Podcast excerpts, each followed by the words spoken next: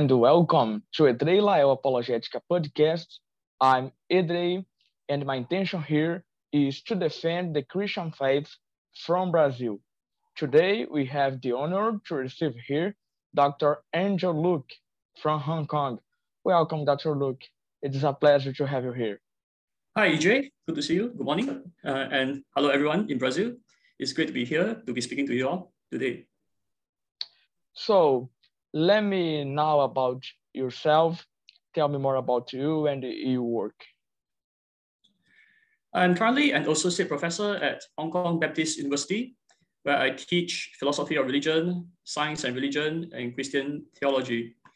My areas of research uh, includes um, the Kalam cosmological argument, the historical evidence for the resurrection of Jesus, the deity of Christ, and the incarnation. Thank you for this presentation. And let me start by asking to, um, in fact, about Kalam cosmological argument. How do you prefer to formulate the Kalam cosmological argument so that it read for is a good part of the current objections and what are the strong points of this argument? Okay, so let me share my screen with you all. So the contents of my presentation this morning is taken from my book called The Teleological and Kalam Cosmological Arguments Revisited. Now, this book is open access and is available for free download online. So you can go to my website and you can download this book for free. So I formulated the Kalam argument this way. Um, Premise one, there exists a series of causes and effects and changes, right? So we observe that things change and we observe that some things come from other things, right? So for example, I came from my parents, my parents came from my grandparents, etc. Now, this series of causes and effect either has an infinite regress that avoids the first cause, or its members are joined together like a closed loop that avoids the first cause, or it has a first cause right? So either the series is infinite or it's finite, right? If it's finite, then there's a there's a first, there's a last, either they are joined together or they are not joined together. If they are not joined together, then there must be a first cause. And I goes on, I, I go on, I go on to show that this series uh, is not an infinite regress and is not a closed loop, and therefore there is a first cause. Now I will talk about the reasons why it's not infinite regress and why it's not a closed loop later on, right? But at this moment, I'm just uh, outlining the arguments uh, for you all to follow. Um, so very briefly, right, um, there are at least five arguments against an infinite regress. So the first one will be the argument from the impossibility of concrete actual infinities. So this will be uh, the familiar Hilbert Hotel argument, which William Lane Craig has used. And another argument is the argument from the impossibility of traversing an actual infinite. So what the argument is basically trying to say is that finite plus finite equals finite, right? So one after another is always, uh, it, it, will uh, constitute only a finite series. You know, it, cannot constitute, it cannot constitute an infinite series. And therefore the series of past events must be finite as well uh, since it is constituted by a one after another process. Now, the third argument is the argument from the viciousness of dependence regress. I will talk about this briefly later on. And there's also the argument from the Grim-Reaper paradox and the argument from the second law of thermodynamics, which uh, indicates that uh, uh, entropy um, is always increasing. And since um, we the, the world now is not, not totally disordered. This shows that the past must be finite, right? Because if the past were infinite, um, entropy would have increased to infinity by now, and the world would have been totally disordered. But the world is not totally disordered now, and therefore this indicates that um, the history of the world has a beginning. It's not infinite. And you can check out this article published by um, um, written by Aron Wall uh, at Cambridge University. is also available for download online. This argument, this, this paper explains the argument from the generalized second law of thermodynamics, right, which indicates that uh, time has a beginning as well. Now, the argument from viciousness of dependence regress is quite easy to understand. So we can um, imagine there's a series of train cars, and these train cars, you know, they were not moving originally, right? So before the last train car began to move, the one before it has to begin to move first. But before the one begin to move, the one before before it has to begin to move first. Now, if that is all there is, then um, nothing will begin to move, right? Because everyone is dependent on the one before it. So this shows that a dependence regress is a vicious regress. And a causal regress is a dependence regress. Therefore, a causal regress is a vicious regress. So what is required is that there must be a first puller, right, of an engine, which has the capacity to begin movement in, uh, by itself. And such a thing must exist, right, in order for the rest of the train cars that in, in order that the train cars can begin to move, right? Otherwise, uh, they will not, they will never begin to move. So likewise, before I begin to exist, my parents have to begin to exist first. But before they begin to exist, their parents have to begin to exist first. Now, no matter how many prior dependent causes there are, none of them will begin to exist because no prior dependent cause escapes from the problem of depending on the prior dependent member, member in order to begin to exist, right? So it's like a, it'll be like a series of train cars, right? None of them will, can just begin to move. So what is required is a first cause, right? There must be a first cause, uh, which can exist independently and necessarily. Such a first cause must exist, right, in order for other things uh, to exist. So this is a very simple argument to show that there must be a first cause. And this argument also shows that it, it, the, causal loop, uh, it, it cannot be a causal loop. That, that cannot be a causal loop that, that avoids a first cause. Why? Because a causal loop will be something like you know, train car A depends on train car B, and train car B depends on train car C, and train car C depends on train car A, right? You'll be saying, you'll, you'll be like saying that I came from my parents, my parents came from my grandparents, and my grandparents came from me, right? So obviously, you know, such a, a, loop cannot work. Uh, so um, there cannot be such a loop that avoids a first cause, and therefore there must be a first cause. And then the Kalam argument goes on to explain what is the first cause. Well, since the first cause is the first, it must be uncaused, and it must be able to exist independently, right? And since whatever begins to exist has a cause, the first cause must be without beginning. It must be something that always existed, right? And therefore does not require a cause. Now, since every change is an event which has a beginning as something or part of a thing gain or loses a property, the first cause must be initially changeless, right? Because a change is something that has a beginning. Uh, however, the first cause has no beginning, so it must be initially changeless. Now, since the first cause is initially changeless, it is transcendent and immaterial. Why? Because material things constantly change, according to uh, the laws of quantum physics. However, the first cause is initially changeless. So this means that the first cause is not a quantum system, which is constantly changing. It is not something material. It is something that is beyond material, is transcendent right, in that sense.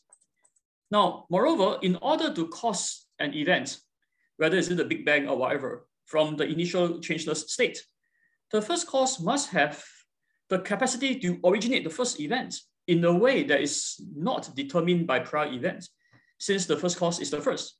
So the first cause must be able to initiate the first event, the first change by itself, and also have the capacity to prevent itself from changing. For otherwise, it would not have been initially changeless initially, right? So it must be able to hold back from causing the first change and also be able to bring about the first change. Now, these two capacity imply that the first cause has libertarian freedom, right? Having these two capacity means that the first cause is free it, it, is, it can freely bring about the first event and also uh, refrain from causing the first event. And so this shows that the first cause is something that has freedom. And this also implies that it is not something that is physical, right, that follows physical laws, but it's something that is free. That can, uh, and it implies that it's something like a person, right, who can freely choose uh, to do something or not to do something. Okay. So the first cause is a person is a, a personal creator. Moreover, we have good reasons to think that the first cause is an intelligent person. And at this point in time, we can also combine the Kalam argument with the teleological arguments. So um, the teleological argument basically uh, indicates that you know, the universe have evidence of design. For example, uh, scientists have discovered that the evidence, uh, evidence that the universe is fine-tuned for the existence of life. And moreover, there's a high degree of order in the universe, which scientists can formulate in terms of the laws of nature, right? So the laws of nature indicate that, you know, uh, that the universe is, right, there's mathematical equation. Law, this order and the fine-tuning indicates that the first cause must be highly intelligent in order to bring about a physical world that is. So we have good reasons to believe that the first cause is highly intelligent and he, the, right, in order to bring about the entire universe with its billions of stars and galaxies, right, with the laws of nature and the amazing fine tuning. And therefore, we can conclude that there must be the, the, there must be a first cause that is uncaused, beginningless, initially changeless, transcendent, immaterial, has libertarian freedom, and is also highly intelligent and powerful. So such a first cause right, means that uh, it is a creator of the universe. And therefore, the universe must have come from a personal creator. And so this is the cosmological argument, which proves that the universe is created by a creator God.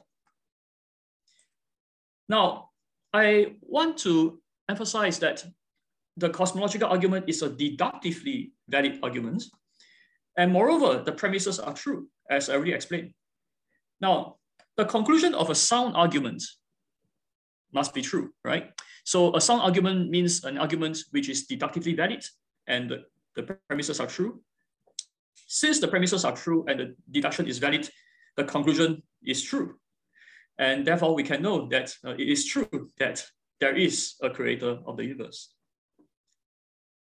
So I shall pause here and uh, let you ask uh, other questions.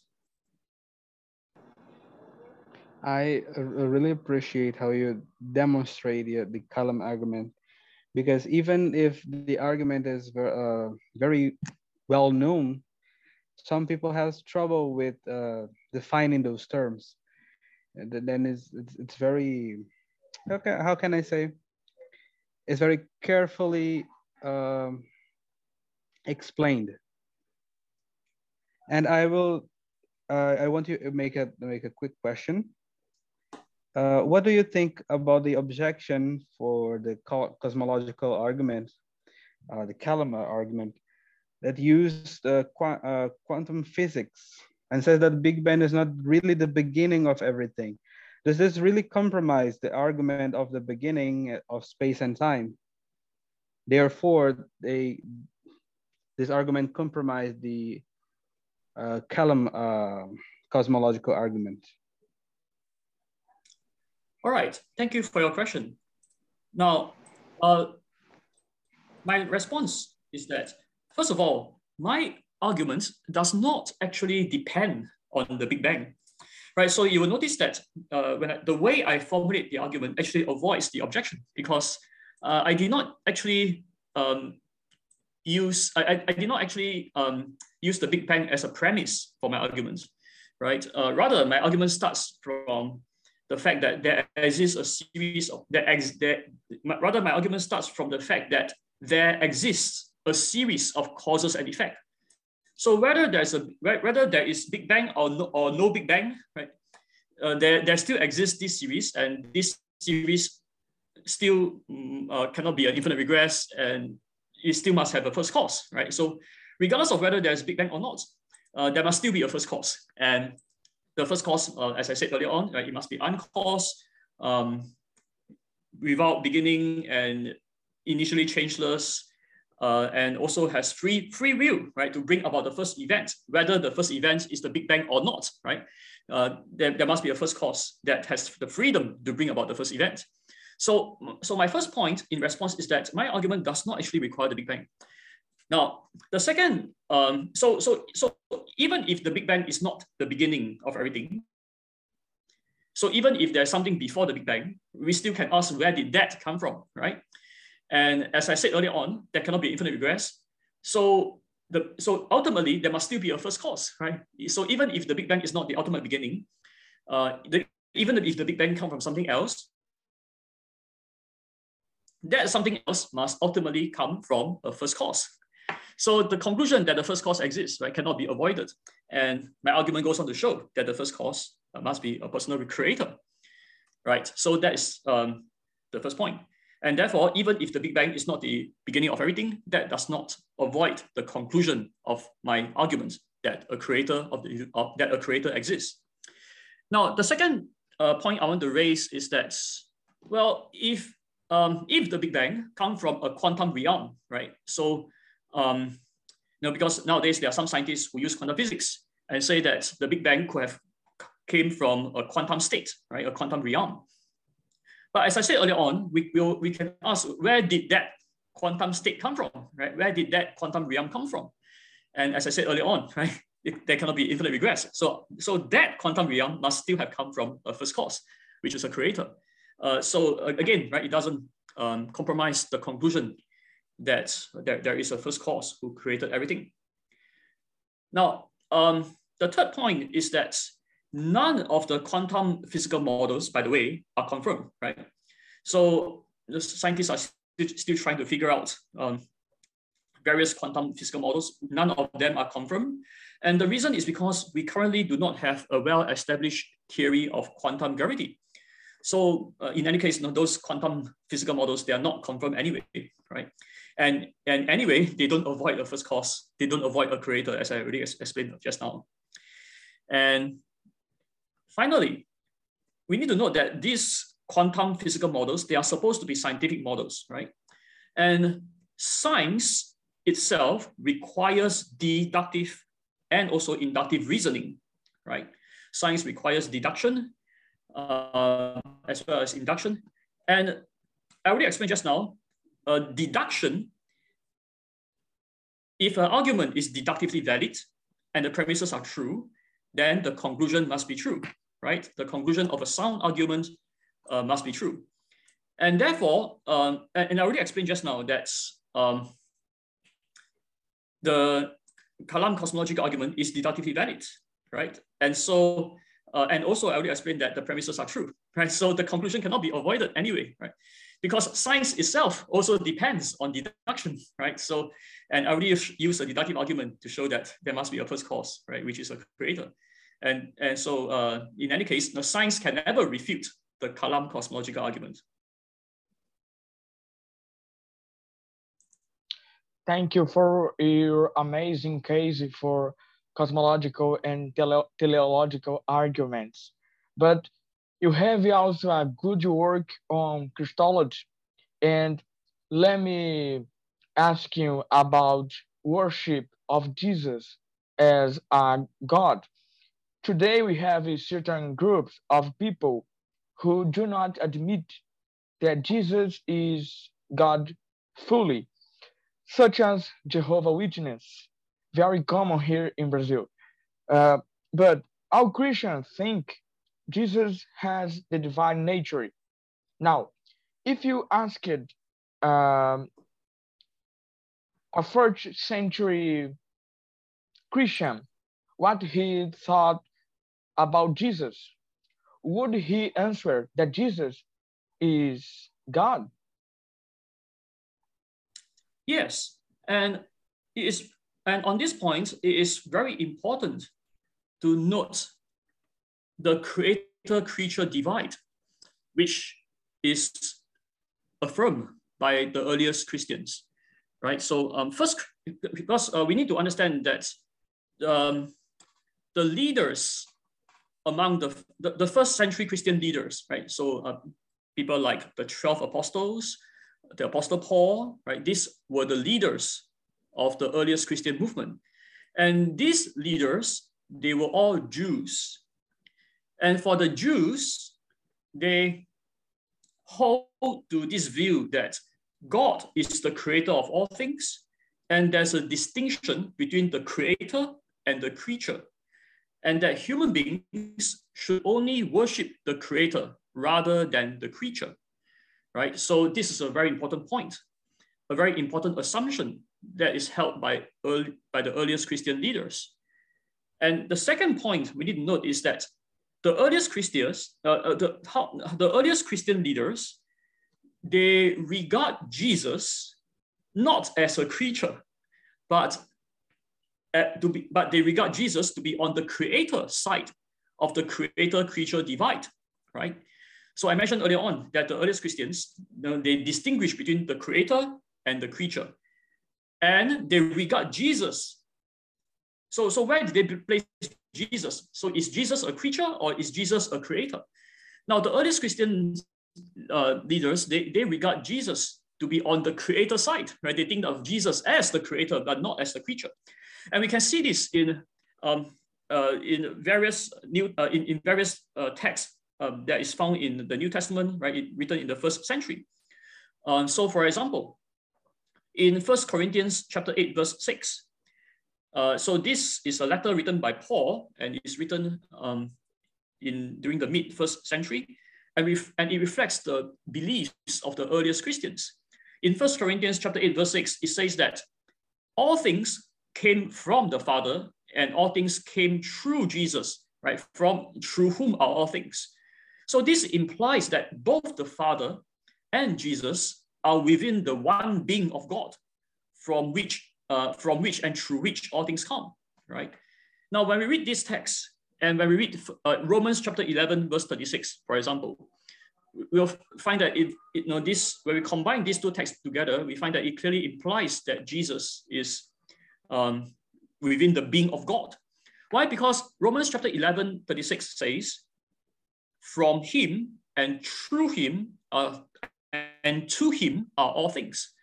Right? From him is from God. Through him is through God. And to him, to God are all, are all things. Right? So all things came from God and through God. And in First Corinthians 8 6, it says, All things came from the Father and through Jesus. Right? So this implies that Jesus is God. Right? So this implies that both the Father and Jesus are within the one being of God. So this implies that the earliest um, Christians regard Jesus to be within the one being of God. If we look at back at the history, there's some people that claims that figures that has claimed themselves to be the Messiah were common on back then. How can we see the claims of uh, that Jesus uh, has make had made differently from the other ones? Now, earlier on, I explained that the earliest Christians regarded Jesus to be on the creator, right, side of the creator-creature divide. So the question is, what, why, why did the earliest Christians regard Jesus to be the creator, right? Um, now, this is something utterly astonishing. It's something very unique.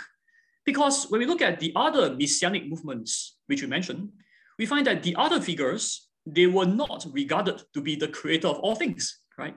So those figures, they are only regarded as some kind of uh, human figures, right? They are just human beings who, uh, according to their followers, these human beings are supposed to be anointed by God, right? God used them to, to save uh, uh, uh, um, the, the Jews, right? So there will be some some some people like similar to um, in the Old Testament, right? God used Moses, God used Joshua, right, to save the Israelites. But Moses was not the creator of all things, right? Joshua was not the creator of all things. The Jews never regard Mo Moses, Joshua to be the creator of all things. Um, however, the earliest Christian leaders who were Jews, they regard Jesus to be the creator of all things, right? All things came through him.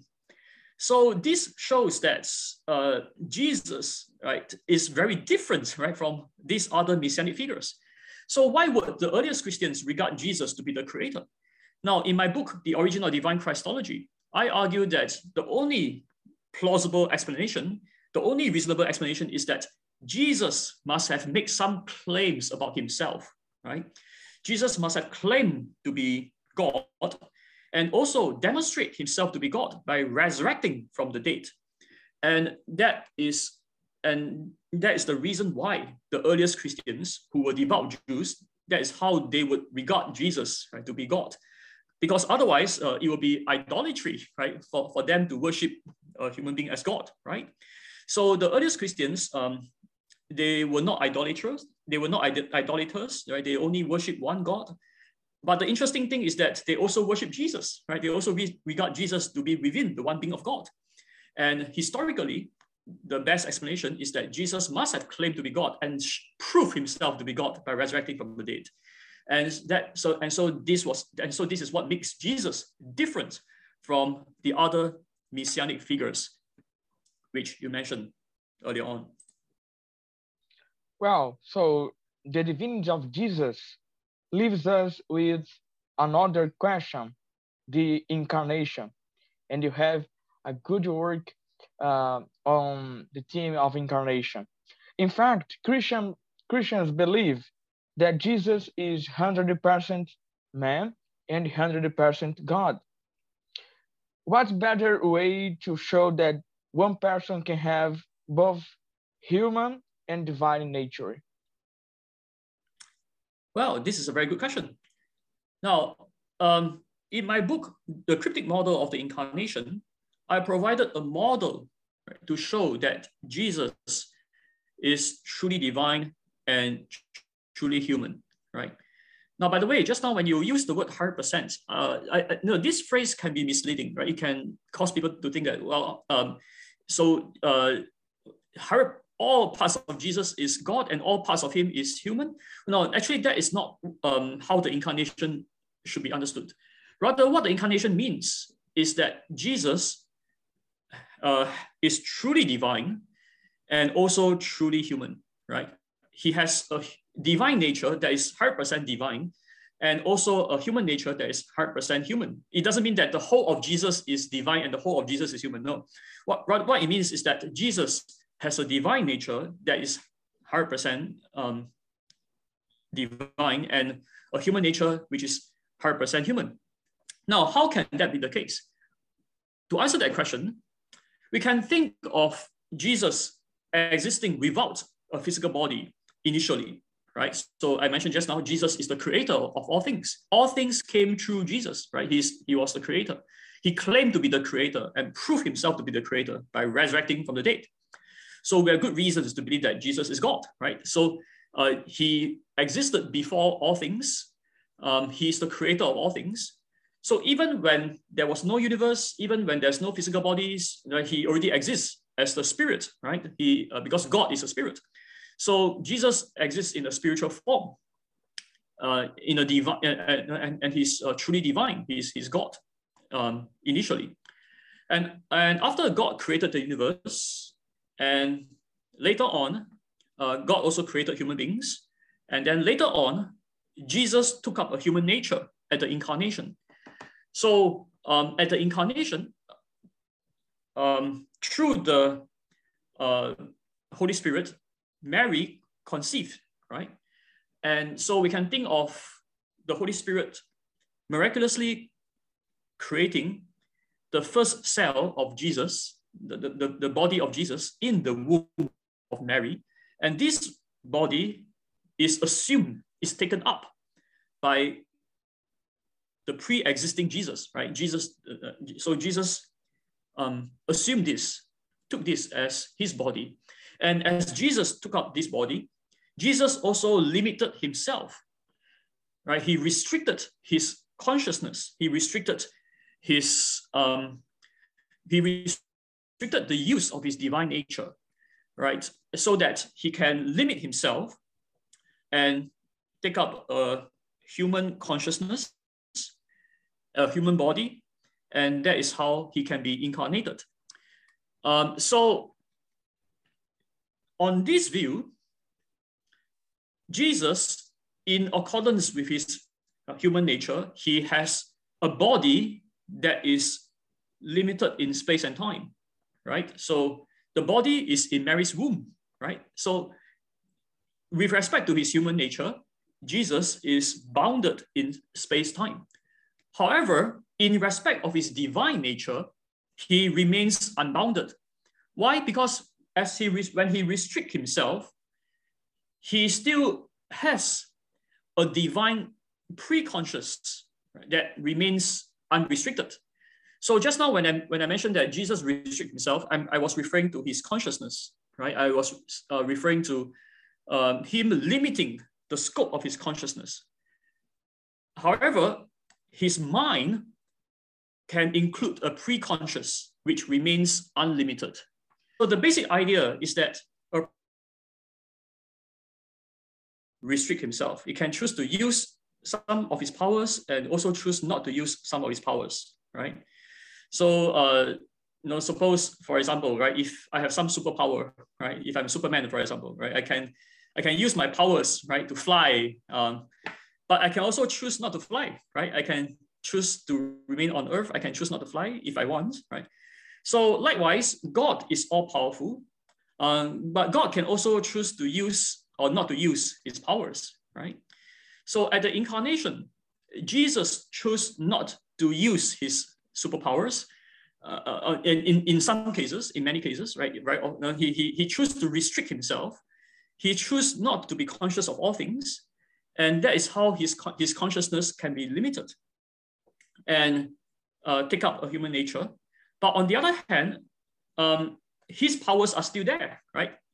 It's just like when Superman chooses not to fly, he can still fly, right? His power, his power, his power to fly is still there, even when he's not using it. So likewise, Jesus, right, his divine powers are still there, even when he's not using it. And his divine powers are within his pre-conscious, are within his divine mind, right? And that is how he can still be omnipotent and omniscient and om omnipresent because the powers are still there, right, in his divine nature.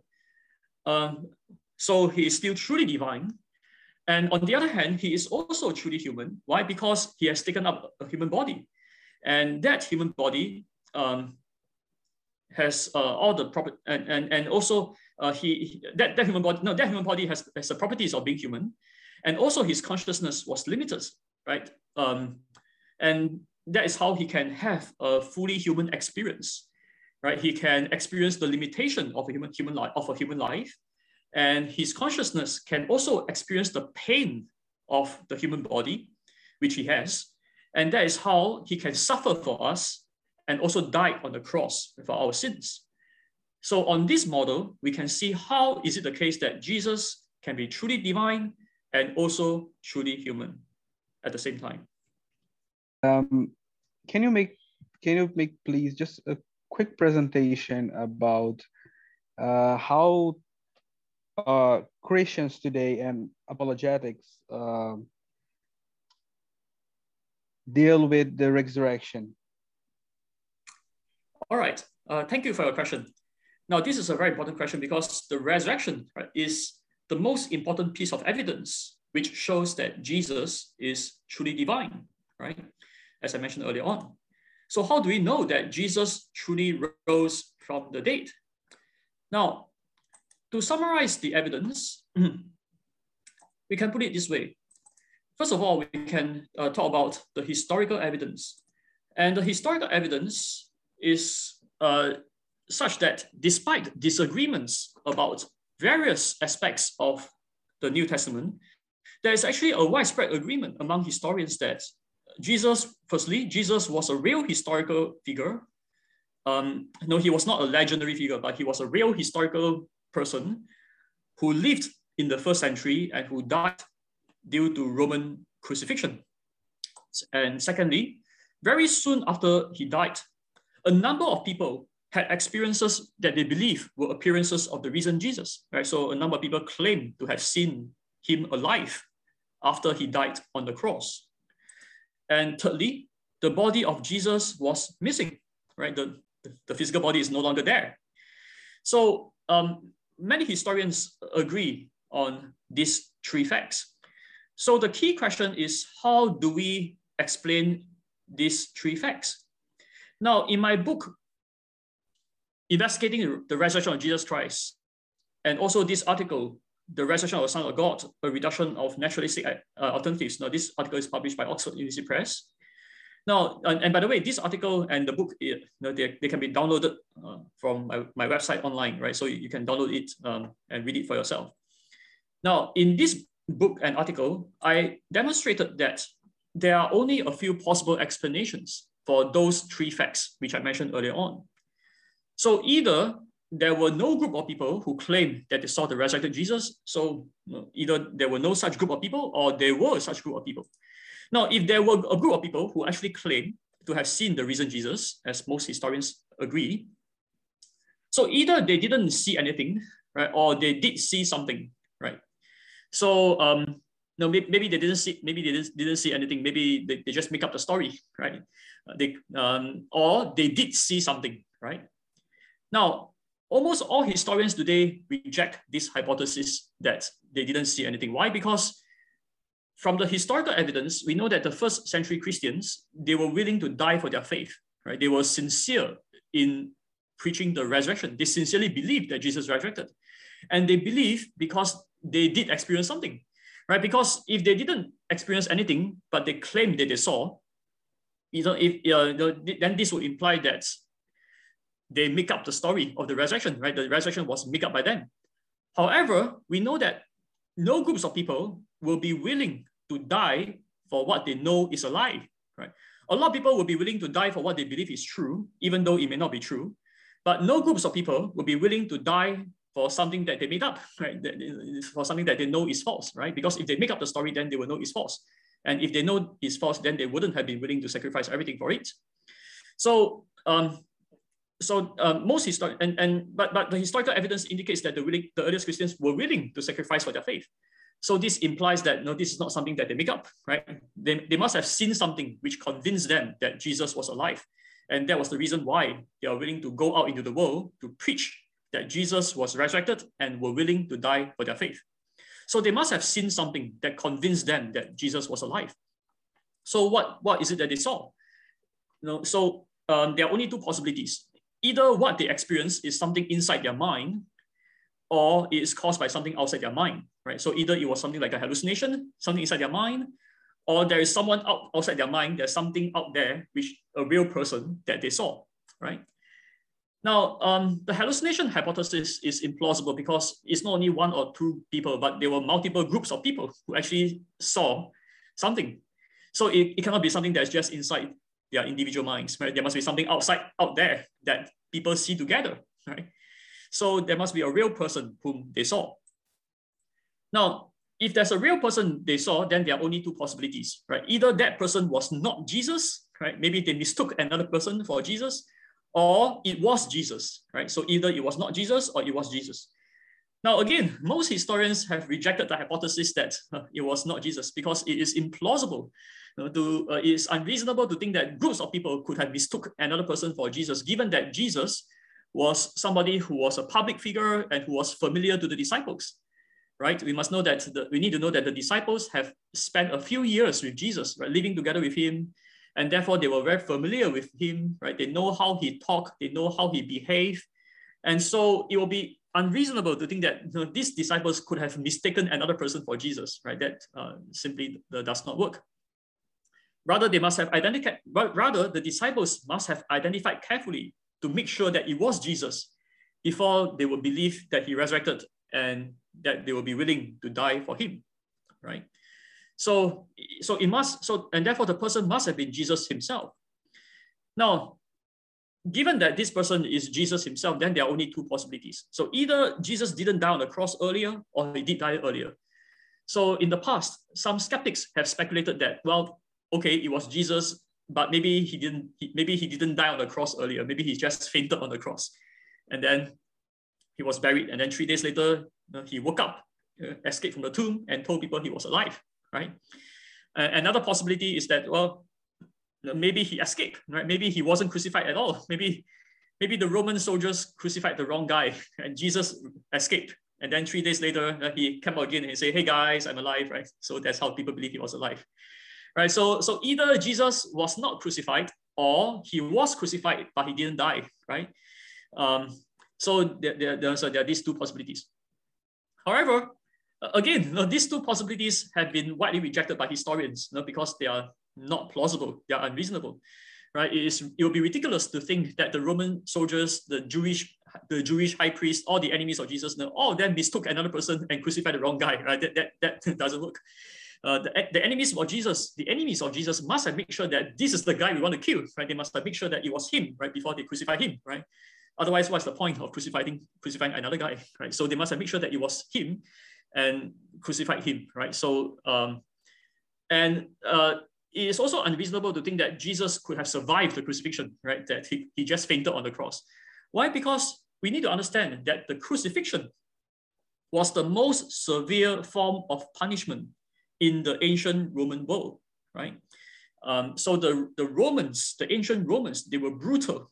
They were um, experts at killing people. And the crucifixion is the most pitiful form of death, right, for the criminal in the ancient world. So the Romans will make sure the guy die, right? They will use all kinds of ways to make sure the guy die. So for example, before they crucify a person, they will flog the person with a whip. And the whip that the Romans use con, uh, has irons, uh, has metal spikes attached to the whip, such that when they whip a person and they pull out the whip, the flesh, the, the blood vessels, and sometimes even the intestines will be pulled out, right? And so it was very brutal, and the, the victim will suffer from severe blood loss. Uh, so such that sometimes people die even before they are crucified, right? They die because of blood loss, right? So Jesus was whipped, and they also put a crown of thorns on his scalp, and this crown of thorns will pierce the scalp such that when they beat the, the, the, the crown, the, the thorns pierce into the scalp, and this can cause severe blood loss. And, and people who suffer from scalp lacerations, you know, they can die within hours because of blood loss, because there's a lot of blood vessels in the scalp, right? So people can die within hours if they bleed from the head, right? They bleed from the scalp.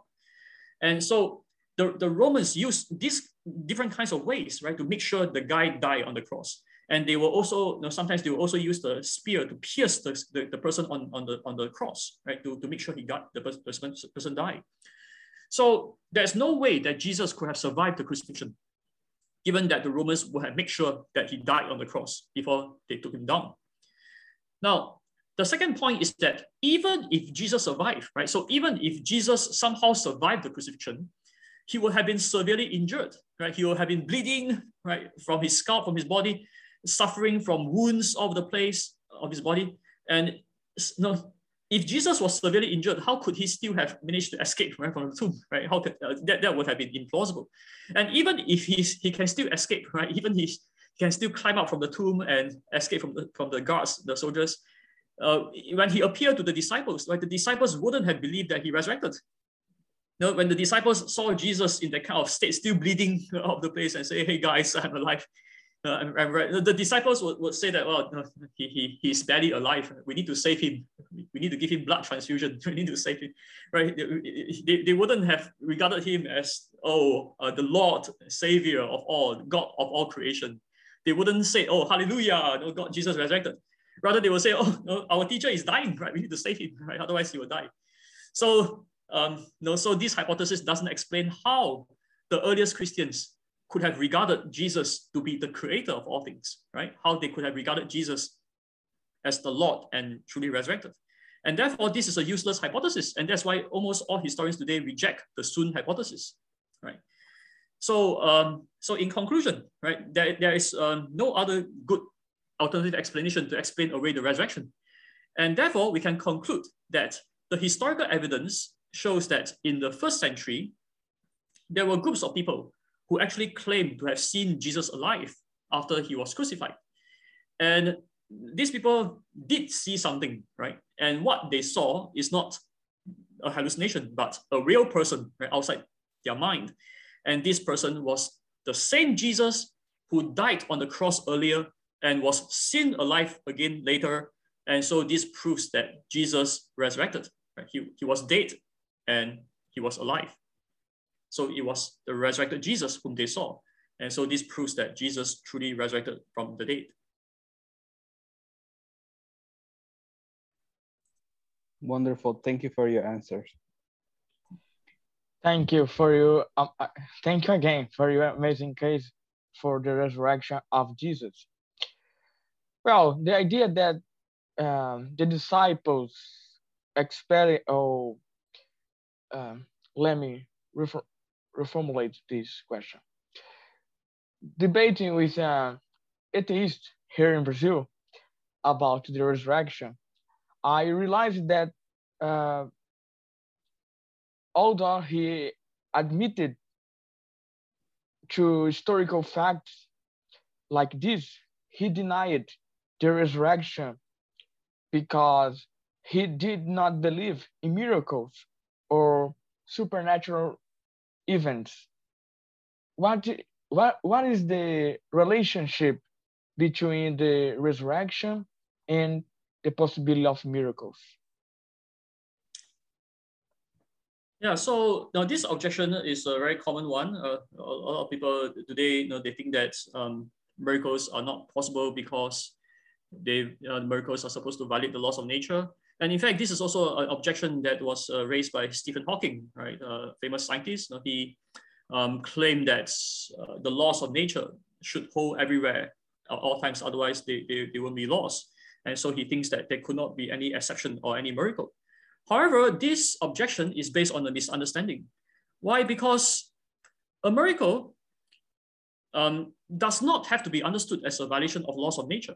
Rather, it can be understood as an event which would not have been produced by the natural causes operative at a certain time or place. So, um, do, do, and so, and, that, and therefore, unless we assume that causes other than natural causes do not exist, now this will be a circular argument and begs the question against a supernatural agent, such as a creator. Otherwise, miracles are possible.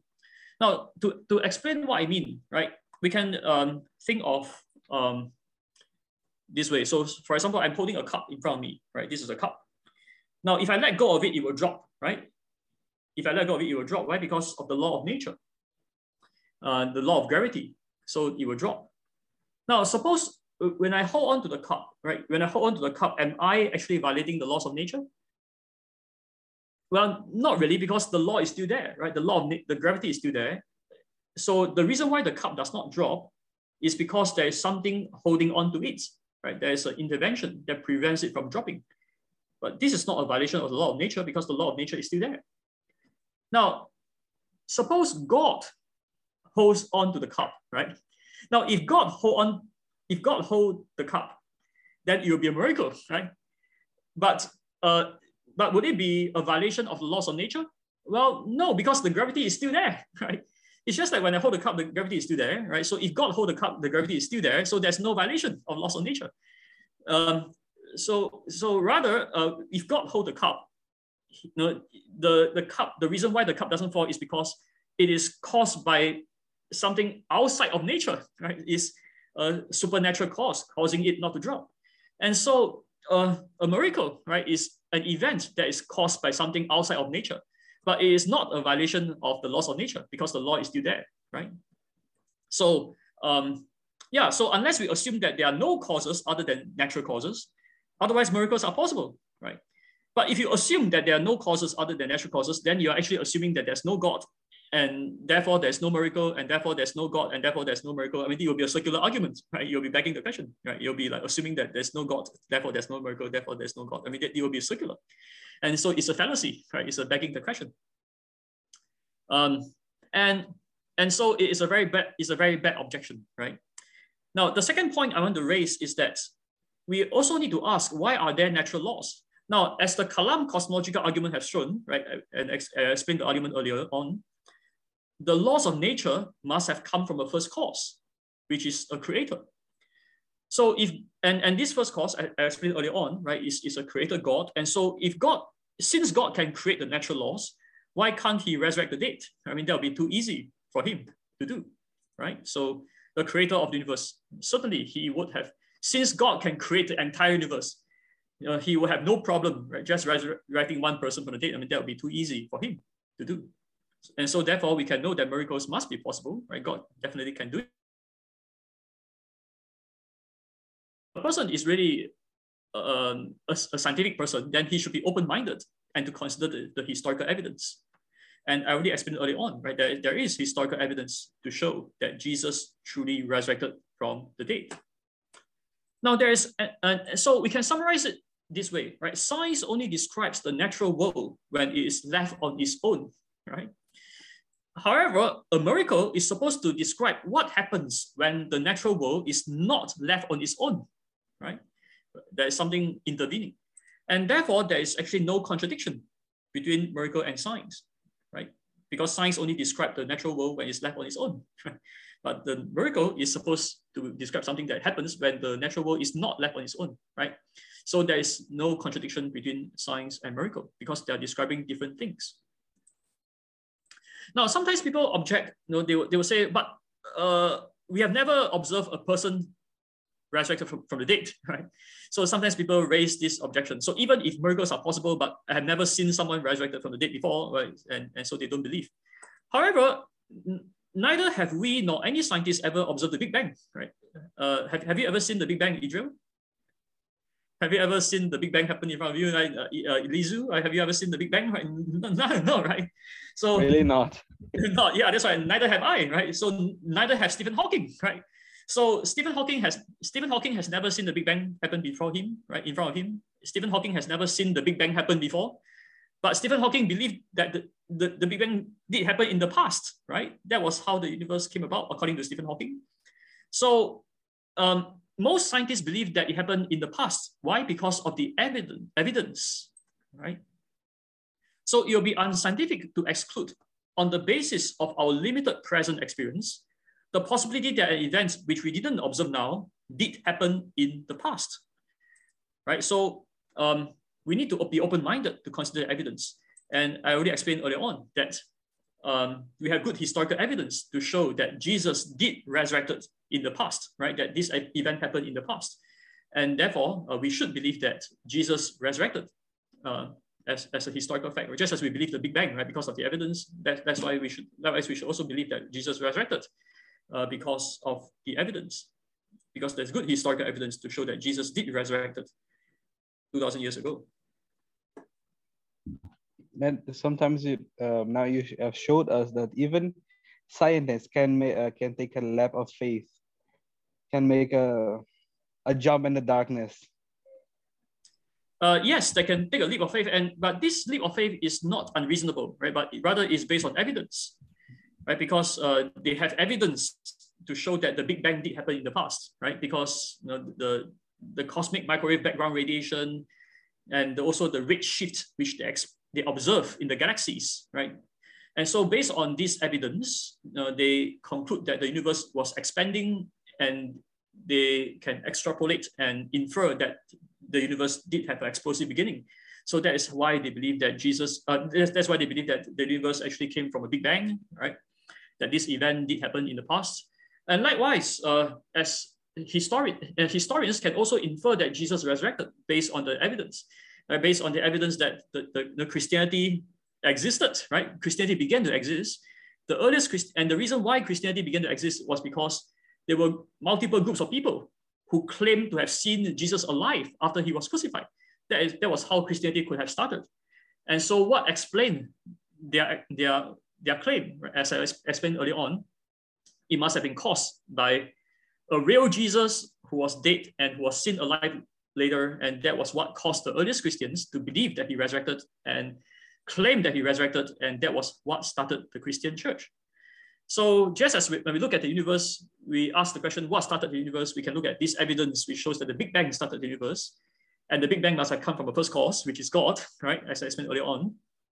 Likewise, when we look at the historical evidence, we can conclude that the Christianity right, must have started from the resurrection of Jesus. The, Jesus. the resurrection of Jesus was the historical event that started Christianity.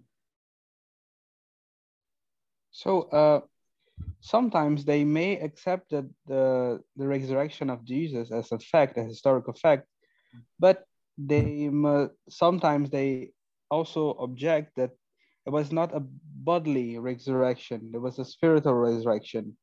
How can you respond to that uh, objection?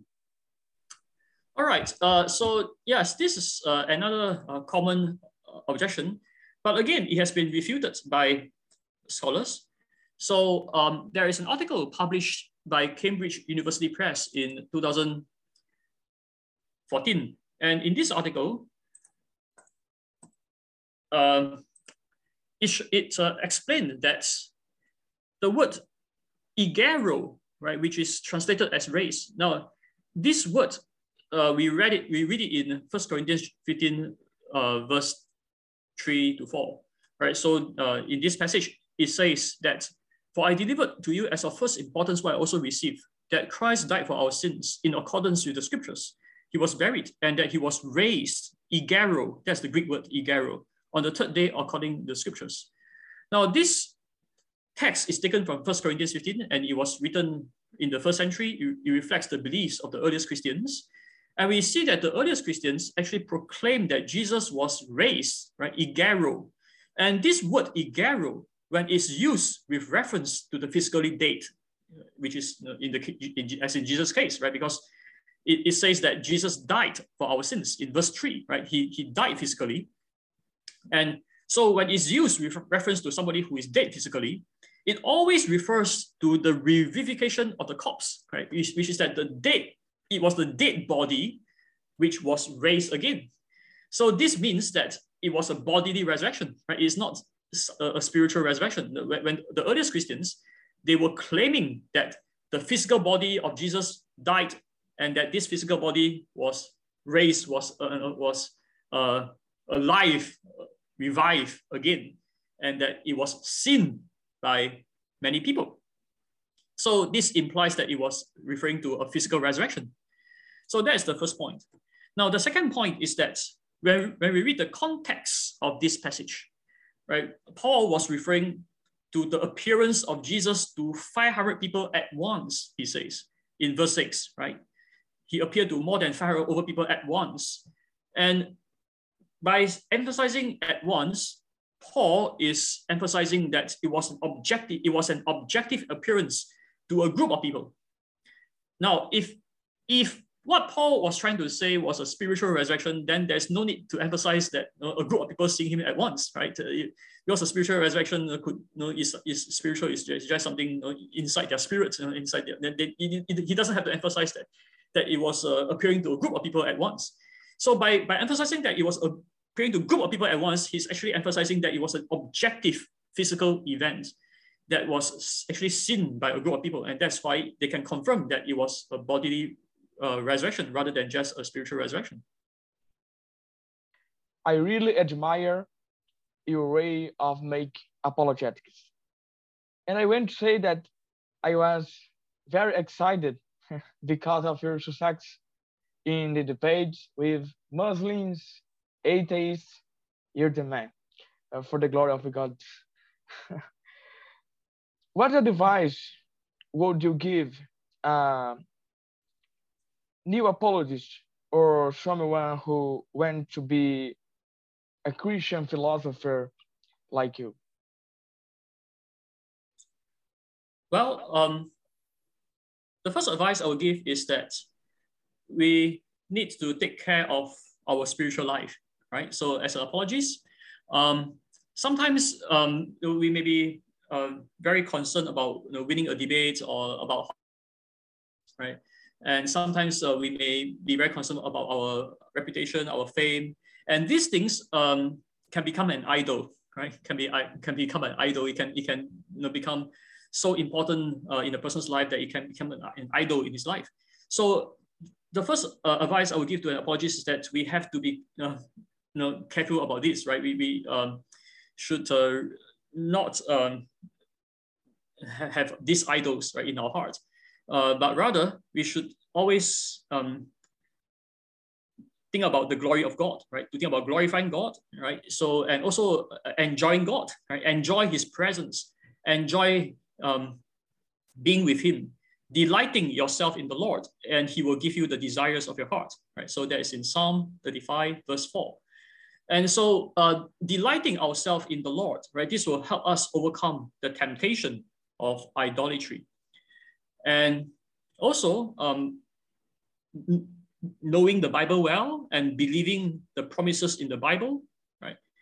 Um, that is also very important for an apologist because you know, the Bible has wonderful promises, such as you know, ask and you will receive, right? So if we lack wisdom, we can ask from the Lord and the Lord will give it to us, right? This is in James chapter 1. And so God will uh, give us the wisdom, God will give us the understanding, and He will help us right, to become a good apologist.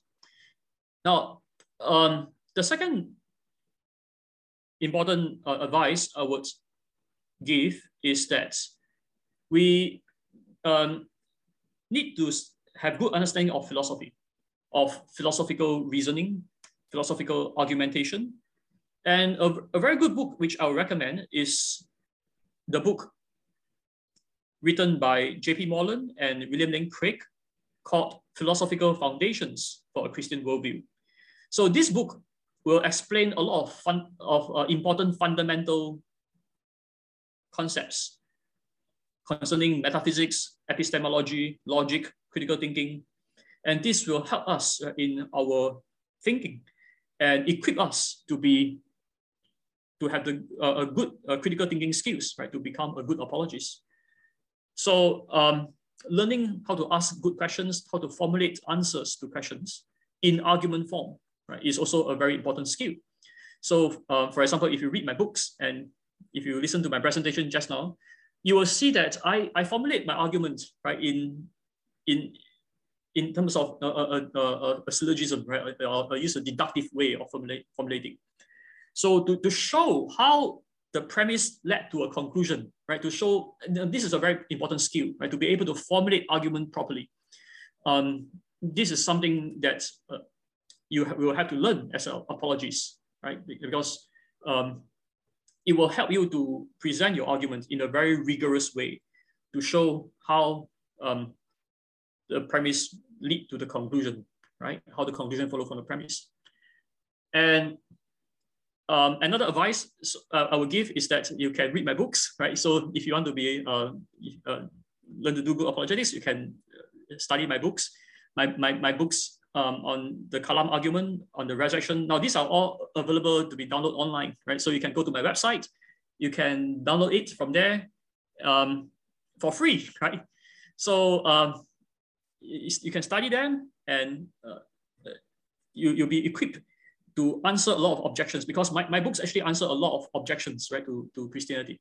So you can find a lot of answers to objections in my book. So um, reading my book will be a good way, right, to, to study apologetics. And um, finally, right, um, always be humble, always be willing to learn, always be willing to be corrected. And so these are all um, very important attitude, right, to be a good apologist. So always seek to um, learn and to improve uh, yourself, right? So these are these will be the advice that I will give, right, to um, budding apologies. Thank you for your good advice uh, about uh, the the book of William Lane Craig and J.P. Moreland. We have this book in Portuguese. The name is oh. Philo Filosofia e Cosmovisão Cristã.